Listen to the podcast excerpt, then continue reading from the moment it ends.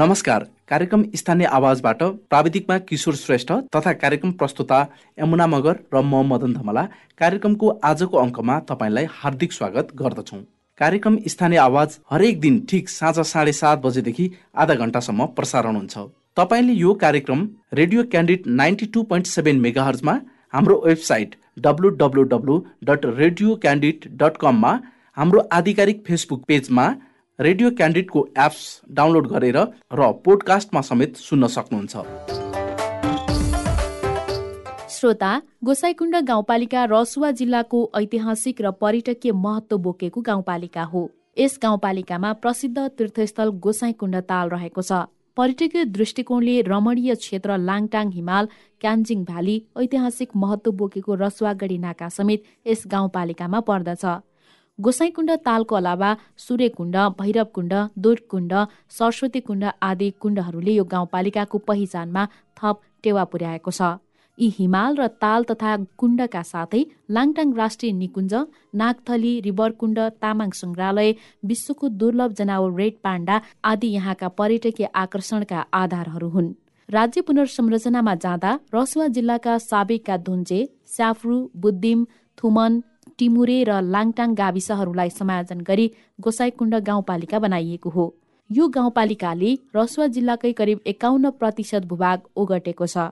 ऐतिहासिक भौगोलिक आर्थिक सामाजिक सांस्कृतिक रूपले अत्यन्तै सम्भावना बोकेको यस गाउँपालिकाको सिमानामा पूर्वमा सिन्धुपाल्चोक जिल्ला पश्चिममा आमा छेदिङमा उत्तर गया र कालिका गाउँपालिका उत्तरमा चीन र दक्षिणमा नौकुण्ड गाउँपालिका नुवाकोट जिल्ला र सिन्धुपाल्चोक जिल्ला पर्दछन्। छवटा ओडाहरू रहेको यस गाउँपालिकाको कुल क्षेत्रफल नौ सय अठहत्तर दशमलव सतहत्तर वर्ग किलोमिटर रहेको छ। दुई हजार अडसठी सालको जनगणना अनुसार गाउँपालिकामा सात हजार एक सय त्रिचालिस जनसङ्ख्या रहेको छ।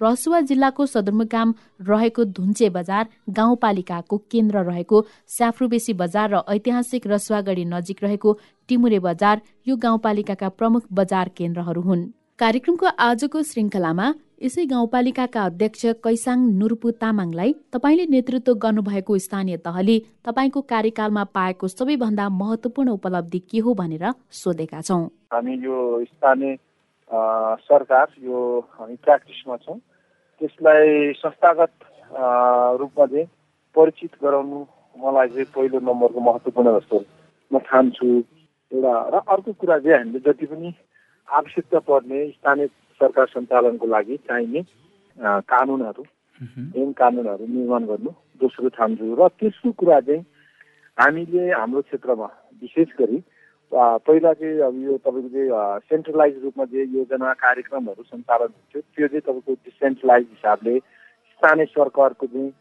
महसुस गराउनु र स्थानीय सरकारप्रति चाहिँ जनताले चाहिँ अलिकति अभ्यास गराउनु यो पनि एउटा ठुलो महत्त्वपूर्ण कुरा सम्झिन्छु। र तेस्रो कुरा हामीले जति पनि यो संरचनाहरू निर्माण गऱ्यौँ र गर्ने चरणमा छौँ। त्यो कुरा चाहिँ डाइरेक्टली कम्युनिटीसँग विशेष गरी तपाईँको ग्रासरुट लेभलको कम्युनिटीसँग नै तपाईँको फेस गरेर उनीहरूको डिमान्ड बेसलाई आधार मानेर कार्यक्रम तय गराउनु र कार्य कार्यक्रमलाई चाहिँ कार्यान्वयन गराउनुमा ठुलो मद्दत पुगेको छ। यो नै मैले चाहिँ यो चारवटा महत्त्वपूर्ण कुराहरू सम्झिन्छु। हजुर। यी मध्ये कुन क्षेत्र र विषयलाई प्राथमिकतामा राखेर काम गरिरहनु भएको छ? विशेष गरी अब स्थानीय जनताको चाहना भनेको पूर्वाधार निर्माण विकासको कुरालाई पहिलो नम्बरमा आउँछ होइन? त्यसैलाई आधार मानेर यो जति पनि तिनवटा चारवटा महत्त्वपूर्ण मध्येको चाहिँ अन्तिम महत्त्व भनेको तपाईँको चाहिँ पूर्वाधार निर्माण विकासको कुराहरू आउँछ। त्यो पूर्वाधार निर्माण र विकासका कुराहरूमा चाहिँ हामीले मेरो गाउँपालिका छवटा वाडामा चाहिँ धेरै विवादित छन्। त्यो छवटा वाडाको चाहिँ आवश्यकताहरूलाई विशेष गरी के छ त्यहाँको स्थानीय स्तरमा आवश्यकता र भोलि त्यसको सम्भावना र दिगोपन र कसरी चाहिँ हामीले चाहिँ कार्यान्वयनतिर लान सकिन्छ भन्ने उद्देश्यले हामी एउटा प्लानिङ गराउनु एउटा जिम्मेवारी केही व्यक्तिहरूसँग छलफल गर्नु र त्यसको चाहिँ आवश्यकता र महत्त्वलाई लिएर चाहिँ योजना बनाउनु। मैले त्यसलाई पनि बढी चाहिँ बढी महत्त्वपूर्ण कुराहरू त्यसमा थाहा स्थानीय तहमा चाहिँ आम्दानीका स्रोतहरू अहिले के के छन् त? अब हाम्रो स्थानीय तहमा चाहिँ विशेष गरी गोसेकुण्ड गाउँपालिका चाहिँ यो बोर्डरसँग जोडिएको जिल्ला पनि हो र नेपालको तेस्रो पर्यटकीय गन्तव्यको चाहिँ रूपमा पनि परिचित लाङटाङ गोसाइकुण्ड तामाङ हेरिटेज रेल अनि त्यसै गरी तपाईँको चाहिँ यो विभिन्न जात धर्महरूको चाहिँ यो एउटा डाइभर्सिटी भएको क्षेत्र भएको कारणले त्यो क्षेत्रलाई पनि हामीले महत्त्वपूर्ण ठान्यौँ र सँगसँगै यो क्षेत्रमा चाहिँ धेरैवटा हाइड्रो पावरहरू निर्माणधीन अवस्थामा रहेको कारणले पनि हामीले चाहिँ त्यसलाई सम्भावनालाई हेरेर ती ती क्षेत्रबाट पाउन सकिने जस्तै विभिन्न खालको चाहिँ शुल्कहरू हुनसक्छ र हाम्रो क्षेत्रमा विशेष गरी करको दरभन्दा पनि करको दायरालाई कसरी बढाएर चाहिँ हाम्रो चाहिँ यो आन् आन्तरिक स्रोतलाई चाहिँ बढी बढाउने या त्यसलाई प्रोत्साहन गर्ने या त्यसलाई चाहिँ आन्तरिक स्रोतलाई अलिक मजबुत बनाउने खाल बनाउने भन्ने खालमा चाहिँ हामी विशेष गरी केन्द्रीकृत रह्यौँ। र त्यो यी क्षेत्रमा रहेका जति पनि संरचनाहरू छ त्यो क्षेत्रको संरचनाहरूलाई चाहिँ हामीले अलिकति सिस्टमेटिकल्ली तरिकाले उहाँलाई चाहिँ कार्यान्वयन गर्नलाई उहाँहरूलाई सहजता पुर्याउनलाई सहयोग गरौँ र त्यसैबाट चाहिँ हामीले हाम्रो चाहिँ आन्तरिक स्रोतहरू चाहिँ हामीले बनाउन सफल भयौँ। हजुर हजुर। स्रोत र साधन भएर पनि सदु सदुपयोग गर्न नसकेका कुनै अवस्थाहरू छन्? अब स्रोत र साधन भएर पनि हामीले सदुपयोग सँगसँगै सङ्कलन गर्नलाई केही कानुनी कठिनाइहरू हाम्रोमा छ। जसरी हामीले आन्तरिक स्रोतलाई चाहिँ अलिक सङ्कलन गर्ने कुरामा हामीलाई समस्या भयो। त्यसको चाहिँ कारण भनेको हामी कोर एरियाभित्र छौँ। नेसनल पार्कको नाइन्टी पर्सेन्ट हाम्रो भूभागहरू कोर एरियाभित्र पर्छ। र नेपालको संविधानले एउटा परिकल्पना गरेर निर्माण भएको र तपाईँको चाहिँ कानुन लाई राष्ट्रिय निकुञ्ज ऐन दुई हजार उन्तिसले धेरै कुराहरू चाहिँ बाधा अर्काउ पुगेका छ हामी जस कारणले हामीलाई चाहिँ हामीले प्लानिङ गर्दाखेरि निर्माण गर्ने कन्स्ट्रक्सनमा पनि त्यत्तिकै त्यसले चाहिँ अवरोध पुऱ्यायो र हामीले एजम्सन गरेर चाहिँ हाम्रो आन्तरिक स्रोत चाहिँ सङ्कलन गर्ने केसमा पनि त्यो क्षेत्रले चाहिँ त्यत्तिकै खाल तपाईँको चाहिँ समस्या हामीलाई बढाएको छ। अनि विकास निर्माणतर्फ चाहिँ के के काम भएका छन् त? अब हामीले हामी निर्वाचित हुनुभन्दा अगाडि हामीले गाउँघर टोलमा हामीले गरेका प्रतिबद्धताहरू सम्भावनाका प्रतिबद्धताहरूलाई हामीले क्रमिक रूपमा प्राथमिकताको आधारमा हामीले चाहिँ विकासका निर्माणका कार्यहरूलाई सुरुवात सुरुवात गऱ्यौँ। त्यो सुरुवातमा हामीले विशेष गरी यहाँ चाहिँ बाटोघाटोको चाहिँ बढी महत्त्वपूर्ण योजनाको रूपमा चाहिँ माग गर्नुभयो। र निर्माण भइसकेका तपाईँको चाहिँ जति पनि सडक सञ्जालहरूलाई पनि निरन्तर नियमित रूपमा यसको सञ्चालनको लागि पनि बजेटको चाहिँ विनियोजितदेखि लिएर निरन्तरता त्यसको कार्यक्रमलाई पनि माग भए अनुसार हामीले त्यसमा बढी केन्द्रीकृत गऱ्यौँ। र अन्य तपाईँको चाहिँ अब दैनिकी रूपमा आवश्यकता पर्ने जस्तै यो गोरेटो बाटोहरू भयो सामुदायिक भवनहरू भयो स्कुलहरू भयो तपाईँको स्वास्थ्य संस्थाहरू भयो यी क्षेत्रहरूका पूर्वाधारदेखि लिएर संस्थागत रूपमा गर्नुपर्ने जति पनि विकासका कार्यहरू छ त्यसलाई प्राथमिकताको आधारमा हामीले कार्यान्वयनमा लागिरहेको स्थानीयहरूबाट एउटा गुनासो आएको पाइन्छ। सडक निर्माण पूर्वाधार लगायतका संरचनाहरू हुँदै गर्दाखेरि त्यसमा रोजगारी चाहिँ आफन्तलाई मात्र लगाउनु भएको छ भन्ने कुरा सुनिन्छ। के हो छ अब विशेष गरी सडक निर्माणको केसमा चाहिँ आफन्त भन्दा पनि यो भौगोलिक यो विकटताको कारणले गर्दाखेरि हामीले म्यान पावरले गर्न सक्ने कामहरू धेरै कम देख्छु म। किनभने हाम्रो भू बनावटै तपाईँको एकदमै चट्टाने चट्टान। भिर पहराहरू फोर्नुपर्ने जो चाहिँ हामी चाहिँ मानवीय स्रोत साधन परिचालन गरेर हामी सम्भावना देख्दिनँ जस कारणले त्यसलाई त्यस्तै खालको चाहिँ इक्विपमेन्टहरू प्रयोग गर्नु पर्दाखेरि केही रोजगारका क्षेत्रमा चाहिँ अलिकति असर चाहिँ पुगेका हुन्। तर व्यक्तिगत रूपमा तपाईँको चाहिँ आफ्नो आफन्तलाई काम दिने काम गराउने भन्ने विषयको चाहिँ मैले कतै पनि गुनासो अहिलेसम्म सुन्न आएको छैन। यो हुने गरेको पनि देख्दिनँ किन भन्दाखेरि अब उपभोक्ता समितिहरू गठन गरे हुन्छ। उपभोक्ता समितिहरूमा काम गर्दाखेरि उहाँहरूसँग चाहिँ हामीले के अरे टिओआर जस्तो टर्म्स अफ होइन उहाँले गर्ने कार्यहरूलाई पनि त्योभित्र चाहिँ समावेश गरिएको हुन्छ र इस्टिमेटहरू हुन्छ डिजाइनहरू हुन्छ र हाम्रो प्राविधिकहरूले चाहिँ नियमित रूपमा चाहिँ त्यसको चाहिँ अनुगमनहरू गरिराख्नु राख्दाखेरि चाहिँ त्यो मापदण्ड पुरा गरेर कार्य गर्नुपर्ने हुन्छ जसको लागि चाहिँ आवश्यक जे हुन्छ त्यो पुरा गर्न सकेन भने हामीले भुक्तानी दिन हामी बाध्य हुँदैनौँ। त्यसै अर्थमा उहाँहरूलाई चाहिँ अब लाग्न सक्छ कुनै कार्यहरू अलिकति अब गर्दै जाँदा छिटो छरितो र म्यान पावर धेरै लाग्ने ठाउँमा त्यस्तै साथीहरू परिचालन हुने र म्यान पावरबाट नसकिने मानवीय तपाईँको चाहिँ शक्तिले नभ्याउने खालको चाहिँ कार्यमा चाहिँ तपाईँको इक्विपमेन्ट युज गर्नुपर्ने हुन्छ। त्यति बेला चाहिँ त्यो खालको कुराहरू चाहिँ आउन सक्ने सम्भावना देख्छु। तर अहिलेसम्म गोसाइकुण्ड गाउँपालिकामा यो खालको गुनासो चाहिँ मैले सुनेको छैन। गोसाइकुण्ड गाउँपालिका र रसुवा जिल्ला त जलविद्युतको हब नै हो। जलविद्युत आयोजनासँग सम्बन्धित सामाजिक उत्तरदायित्व सम्बन्धित कार्यक्रमहरू नभएका कुराहरू सुनिएका छन्। समन्वय नभएको हो।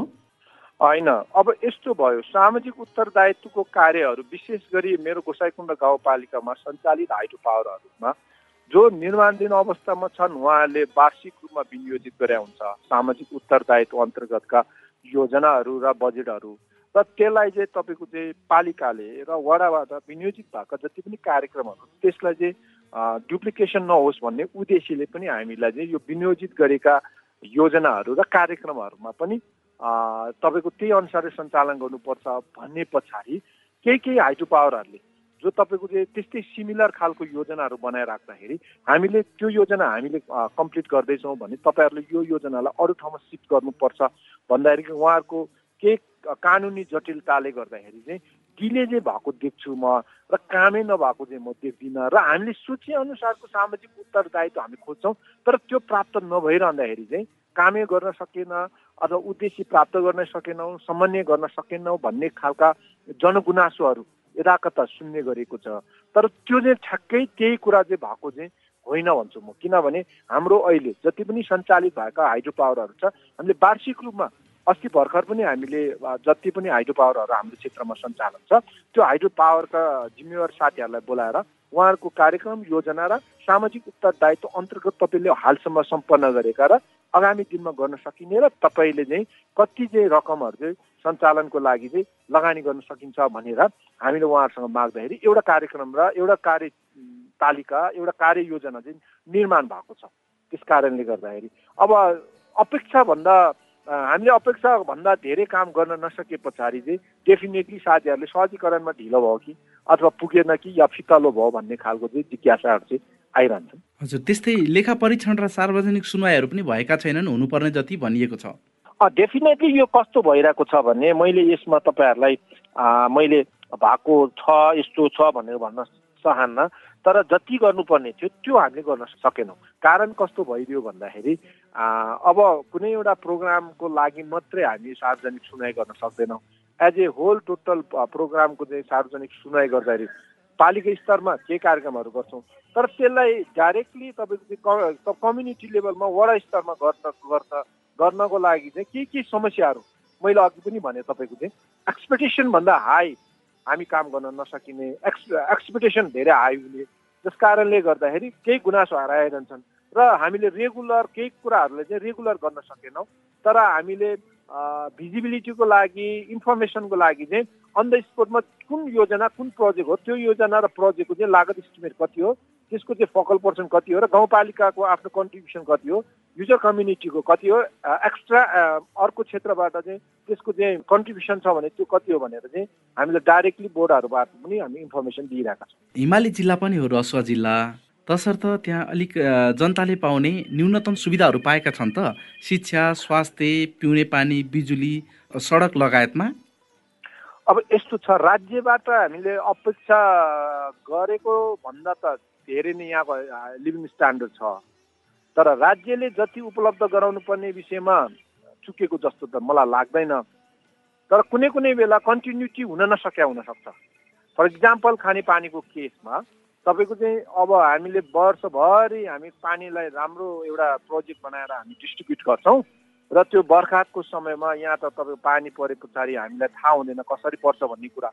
त्यतिखेर चाहिँ मुहानहरूबाट अथवा के अरे यो रिजर्भर ट्याङ्कहरू चाहिँ चुएर विभिन्न खालको चाहिँ समस्याहरू आउँदाखेरि कहिले कहिले यता कता चाहिँ त्यो ब्लकेज भएको हुन्छ। त्यसलाई खुलाउन केही टाइमहरू लाग्छ। त्यसले गर्दाखेरि त्यो रेगुलर नभएको एउटा चाहिँ मैले त्यहाँ चाहिँ महसुस गरेको छु। तर त्यसलाई चाहिँ विकास नभएको भनेर मैले त्यसलाई व्याख्या गर्न सक्दिनँ।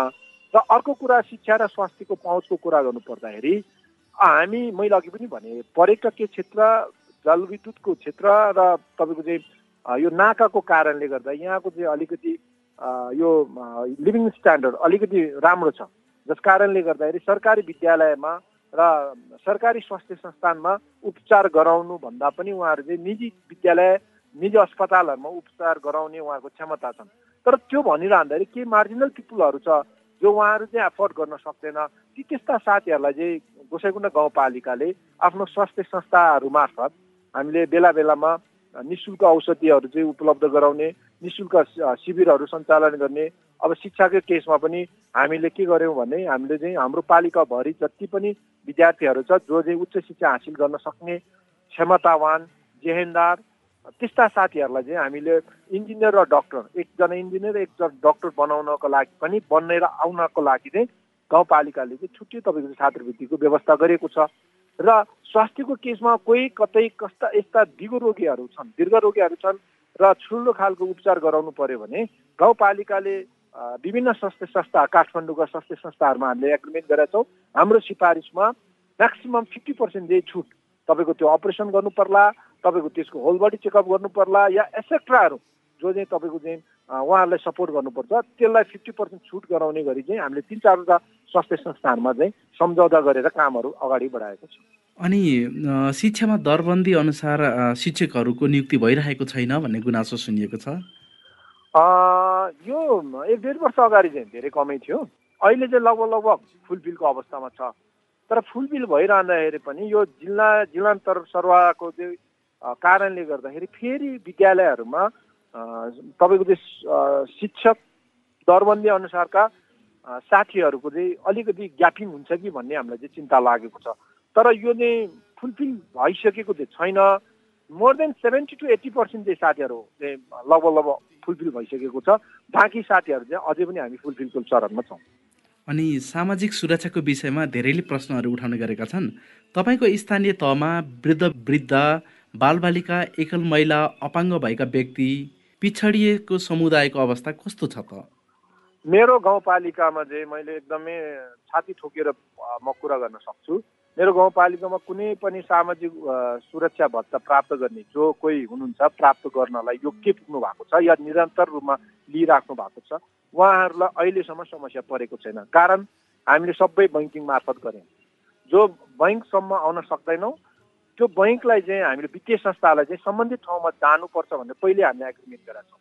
हुनसक्छ उहाँहरू डेली मन्थली बेसिसमा उहाँहरू जान सक्दैन तर तपाईँको चाहिँ तपाईँको चाहिँ चार चार महिनामा हामीले उहाँहरूलाई चाहिँ त्यो ठाउँसम्म लाने ल्याउने व्यवस्था गरिदिने र उहाँहरू त्यहाँ पुगेर चाहिँ त्यो हाम्रो साथीहरूलाई चाहिँ त्यो खालको सपोर्ट गर्नलाई चाहिँ उहाँहरू चाहिँ अहिलेसम्म लागिराख्नु भएको छ। अनि न्याय सम्पादनको काम चाहिँ कसरी अगाडि बढाउनु भएको छ? राज्यले नै न्यायिक समितिको संयोजक उपाध्यक्षलाई जिम्मा लगाएको छ। तर अलिकति न्यायिकसँग सम्बन्धित व्यक्तिहरू नहुँदाखेरि र एउटा त्यो पनि भयो र दोस्रो ट्रेन चाहिँ हाम्रो कस्तो सदरमुकाम सहितको पालिका त्यसैले जिल्ला अदालत वकिल कार्यालय जिल्ला भनौँ न डिएसपी कार्यालय अनि जिल्ला प्रशासन पनि यही भएको कारणले डाइरेक्टली त्यो जति पनि तपाईँको चाहिँ भनौँ न भिक्टिमहरू भयो अथवा बेनिफि बेनिफिरिजहरू भयो डाइरेक्टली त्यहाँ सपोर्ट त्यहाँ चाहिँ उहाँहरू जाने भएको कारणले केही कामहरू मात्रै हामीले गर्न सकेका छौँ। र अर्को कुरा चाहिँ हामीसँग क्यापेबल साथीहरू जो चाहिँ दक्ष व्यक्तिहरू कानुनले पनि हामीलाई नदिने कानुनी सहजकर्ता भन्ने तर तपाईँको चाहिँ प्लस टू भयो भने पुग्ने भनेको त्यसले कसरी काम गर्न सकेला अहिलेको अवस्थामा?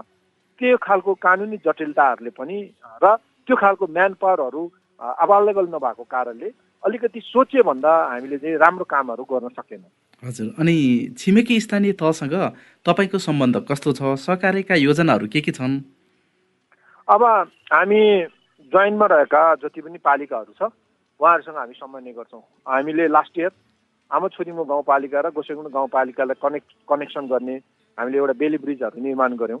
र जति पनि तपाईँको यो पदमार्गहरू छ जो चाहिँ तपाईँको टुरिज्म डेस्टिनेसनको पदमार्गहरूमा पनि हामीले कस्ट सेयरिङमा पनि हामीले कामहरू गरेका छौँ। मलाई लाग्छ हामी सकभर हामीले सबै क्षेत्र र गाउँपालिकाहरूसँग र छिमेकी स्थानीय सरकारहरूसँग चाहिँ हाम्रो सम्बन्ध चाहिँ त्यत्तिकै हामीले बढाइरहेका छौँ। गोसाई कुण्डसम्मको पदमार्गको चाहिँ काम हुनुपर्ने जति नभएको कुरा आएको छ नि।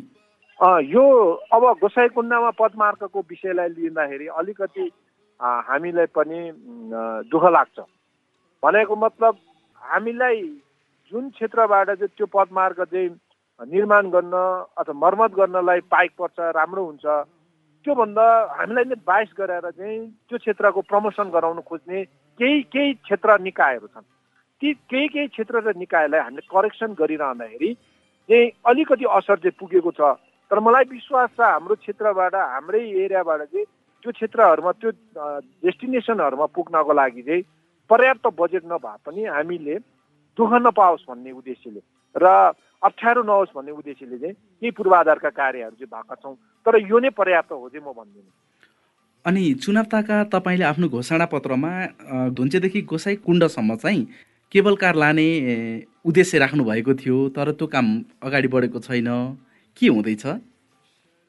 यो हाम्रो क्षेत्रबाट लगभग लगभग हामीले तिन चार पटक सर्वे भएर पनि एउटा फ्रिबिलिटी रिपोर्ट आइसकेको छ। तर समस्या कहाँनिर के भयो भने कानुनी जटिलता मैले अघि नै भने हामी कोर एरियाभित्र छौँ। त्यस कारणले गर्दाखेरि कानुनी जटिलताले गर्दा क्याबिनेटले तपाईँको एउटा कार्यविधि पास गर्नुपर्ने। त्यो कार्यविधि अहिलेसम्म पास गराउन सकेको छैन। म धेरै पटक यो पहिलाको सरकार र अहिलेको वर्तमान सरकारसँग पनि र त्योसँग रिलेटेड मन्त्रालयहरूसँग पनि नियमित रूपमा सम्पर्कमै छु गरेको पनि छु। र गरिरहँदाखेरि पनि विभिन्न कानुनी जटिलता कानुनी समस्याहरूले गर्दाखेरि त्यो कार्यविधि पास गराउन सकेको छैन। मलाई आशा छ यो अहिले जुन एउटा सरकारमा पनि हामी क्लोजली मोनिटरिङ र उहाँहरूसँग चाहिँ समन्वयमा चाहिँ हामीले यो कार्यविधिलाई चाहिँ टेबल गराएका छौँ। त्यो कार्यविधि पास हुने बित्तिकै हामीले यताबाट गर्नुपर्ने प्रक्रिया सबै पुरा गरिसक्यौँ। रिपोर्टदेखि लिएर प्रिफिजिबिलिटीदेखि लिएर मास्टर प्लानदेखि लिएर अलाइनमेन्टदेखि लिएर लगभग हामी क्लियर गऱ्यौँ। जस्ट एउटा कार्यविधि मात्रै पास गर्ने हो भने हामीले यो कामलाई पनि हामी पुरा त गर्न नसकेला मेरो कार्यकालमा तर सुरुवात चाहिँ गर्न सक्छौँ भन्ने मैले विश्वास लिएको छु। अनि युवालाई स्वरोजगार बनाउनका लागि चाहिँ तपाईँसँग कार्यक्रमहरू के के छन् त? अब विशेष गरी वैदेशिक रोज रोजगारमा चाहिँ आकर्षण हुने युवाहरूलाई गाउँघरमा कसरी उहाँहरूलाई चाहिँ व्यवस्थापन गर्ने यो क्षेत्रको सम्भावनालाई उहाँहरूसँग चाहिँ कसरी अझै परिचित बनाउने भन्ने कुरामा मेरो दोस दुई दुई वर्ष त्यसैमा मैले टाइम खर्चेँ।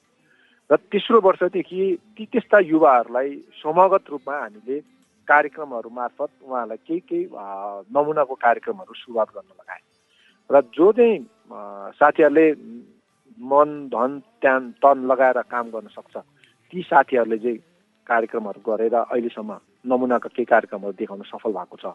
जो एकदमै आफूहरू स्वरोजगारको हिसाबले चाहिँ त्यही तपाईँहरू चाहिँ उहाँहरू इस्टाब्लिस हुनुभएको छ। जो साथीहरूलाई चाहिँ होइन योभन्दा त हामी एट आवर्स काम गर्ने त्यस पछाडि चाहिँ दुई चार पैसा कमाउने लाइक एउटा इम्प्लोइको हिसाबले काम गर्छु भन्ने साथीहरूको हकमा चाहिँ यो हुन सकेन। र मैले पछिल्लो समय के सोचेँ भने अब यसरी होइन रहेछ। स्थानीय उत्पादन र त्यसको चाहिँ मार्केटको चाहिँ एस्योर हुने खालको चाहिँ हामीले क्यापासिटीहरू त्यसरी क्यापेबल बनाउन सक्यो र फन्डिङ गर्ने एजेन्सीलाई पनि जोडाइदिन सक्यो भने चाहिँ उहाँहरूलाई चाहिँ एउटा अन्टरप्रानरको रूपमा डेभलप गर्यो भने चाहिँ यो चाहिँ स्टेबल हुने र सस्टेनेबल हुने भन्ने विषयले चाहिँ त्यो खालको एउटा सिकाइ चाहिँ मलाई भयो। युवाहरूको लागि आय स्रोत बढाउनका लागि र स्थानीयको आय स्रोत बढाउनका लागि आय आर्जनका माध्यमहरूमा थप केही प्रोग्रामहरू राख्नु भएको छ? मैले भने हाम्रो स्थानीय स्तरमा जति पनि उत्पादनहरू हुन्छ त्यसलाई अलिकति मार्ज स्केलमा यसको प्रडक्सन गराउने र अलिकति आधुनिक तरिकाले खेती गर्ने। किनभने अहिले युवाहरू चाहिँ कृषि पेसामा एकदमै आकर्षित छन्। हाम्रो हिमाली जिल्लामा तपाईँको याक भयो चौडी गाईहरू भयो होइन त्यसै गरी दुधजन्य र मासुजन्यलाई बढी चाहिँ फोकस छ यो चिसो ठाउँमा किनभने हामी फेरि चाइनाको न नजिक पनि छौँ। मार्केटको मलाई लाग्छ हामी साह्रो त्यति साह्रो चाहिँ हामी भौतारेर हिँड्नु पर्दैन। यहाँ धेरैवटा हाइटो पावरहरू बनिरहेको कारणले त्यहाँ हामीले चाहिँ टार्गेट गरेर त्यो खालको चाहिँ बिजनेसहरू बनाउन सक्यो। भने यहाँ चाहिँ सम्भावना देख्छु र युवा साथीहरूलाई मैले अघि भने अब हामी उद्यमी मार्फत यसको चाहिँ विकास गराउनुपर्छ जो चाहिँ उद्यमी युवाहरूलाई चाहिँ दक्षता बनाउने उद्देश्यका साथ हामी लाग्न सक्यो भने मासुजन्य दुधजन्य र तरकारी जन्य। विषयवस्तुलाई चाहिँ केन्द्रित बनाएर हामीले चाहिँ व्यवसाय बनाउन सक्यौँ भने यसले चाहिँ सफलता हासिल गर्न सकिने एउटा र दोस्रो कुरो युवाहरूको चाहिँ रोजगार चाहिँ सिर्जना हुने चाहिँ मैले देखेको छु। हजुर युवाको त कुरा भयो। कृषक र कृषिलाई चाहिँ बलियो बनाउनका लागि के कस्ता योजनाहरू छन् त? अब म चाहिँ यो विषयमा चाहिँ एकदमै छुट्टै ढङ्गले प्रस्तुत हुन्छु जहिले पनि तर त्यो साथीहरूलाई पच्दैन रहेछ। अनुदान दिएर चाहिँ हामीले कृषकलाई प्रमोसन गराउन सक्दैन। किसानलाई सब्सिडी लोनहरू दियो भने मात्रै किसानहरू चाहिँ सस्टेनेबल हुन्छ भन्ने मेरो बुझाइ। तपाईँको सब्सिडी दिँदाखेरि चाहिँ कस्तो भयो? अनुदानहरू दिँदाखेरि चाहिँ अनुदानको नाममा चाहिँ काम गर्ने भयो। त्यस कारणले दिगो देखिन यो।